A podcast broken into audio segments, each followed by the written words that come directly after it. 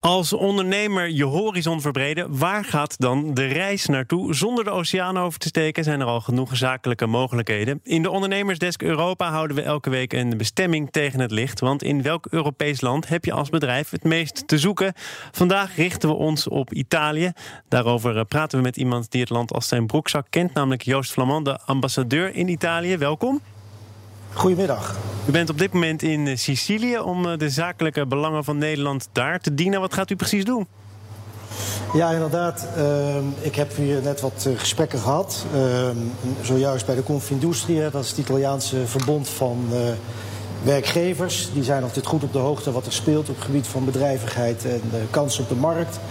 En ik ben ook bezig met gesprekken te voeren voor een nieuwe ehm, honorair consul. Dat is een beetje een deftig woord voor het netwerk van Nederlandse Italianen, Italianen uh, in Nederlandse dienst, min of meer, die kijken naar marktkansen voor Nederland, uh, die zich bekommeren om Nederlanders in de problemen en die de ambassade en de posten in Milaan, want er zijn met twee posten in Italië, helpen bij hun taken hier in Italië.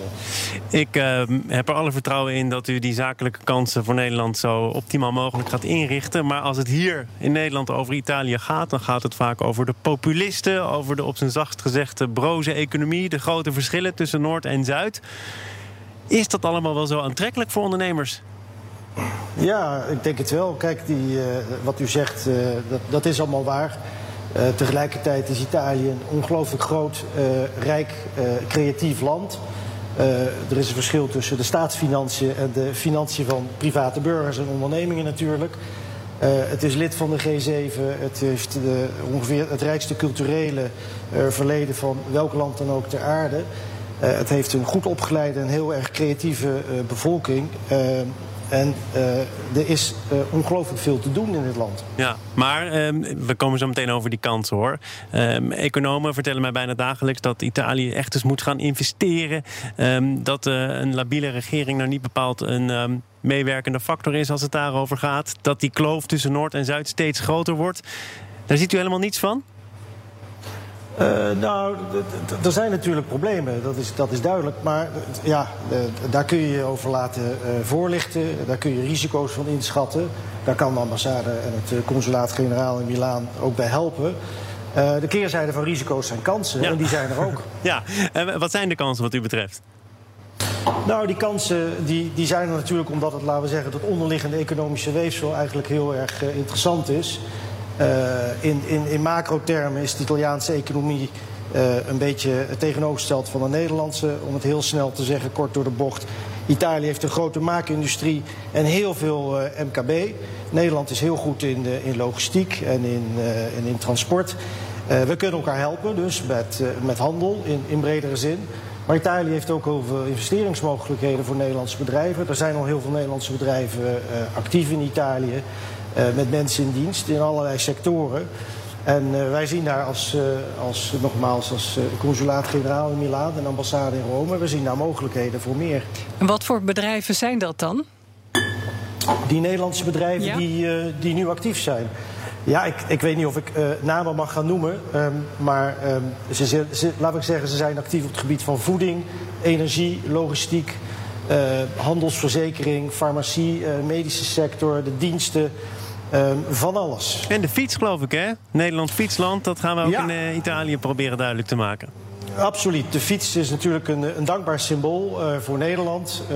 maar de fiets staat voor, bij ons op dit moment vooral voor duurzame mobiliteit, voor duurzaamheid. Dat, dat, daar, aan die fiets zitten natuurlijk allerlei dingen aan vast. Daar kun je denken aan het aanleggen van infrastructuur, van verkeersdatasystemen, van uh, laadpunten, uh, e-bikes, dat soort zaken. Je kunt ook denken aan consultancy, die integrale mobiliteitsplannen, uh, multimodaal met een lastig woord doen. en ja, tot en met het aanleggen van fietsenstallingen, dat soort zaken meer. Dus er zit achter die fiets zit de gedachte van een, een hele sector aan bedrijvigheid en Nederlandse know-how. Uh, dus kansen genoeg, maar je moet ze ook benutten. Dat betekent dat je moet weten hoe je er bij Italianen goed op komt te staan. Waar moet je rekening mee houden? Waar moet je op letten als je zaken doet met Italianen? Ja, zeker. Ehm, ik, bijvoorbeeld, Italianen zijn over het algemeen iets vormelijker en formeler, denk ik. Ehm, wat, wat, belangrijk is, is hoe je gekleed bent. Ehm, dat zal natuurlijk per, per sector en bedrijvigheid verschillen. Maar in ieder geval moet er aandacht aan zijn besteed. Hoe zie je eruit? Wat, wat zijn je kleren? Hoe zien je haren eruit? Let daarop, hè. de buitenkant uh, telt in Italië. Uh, neem tijd om contacten op te bouwen. Dus kom meestal niet meteen ter zake van... Uh, nou, ik, ik wil dit en dit aan u slijten. Maar begin eens rustig over, over voetbal, over familie. dat soort zaken. eten, eten, dat is een, een fantastisch onderwerp. Daar kun je hier heel lang over doorgaan.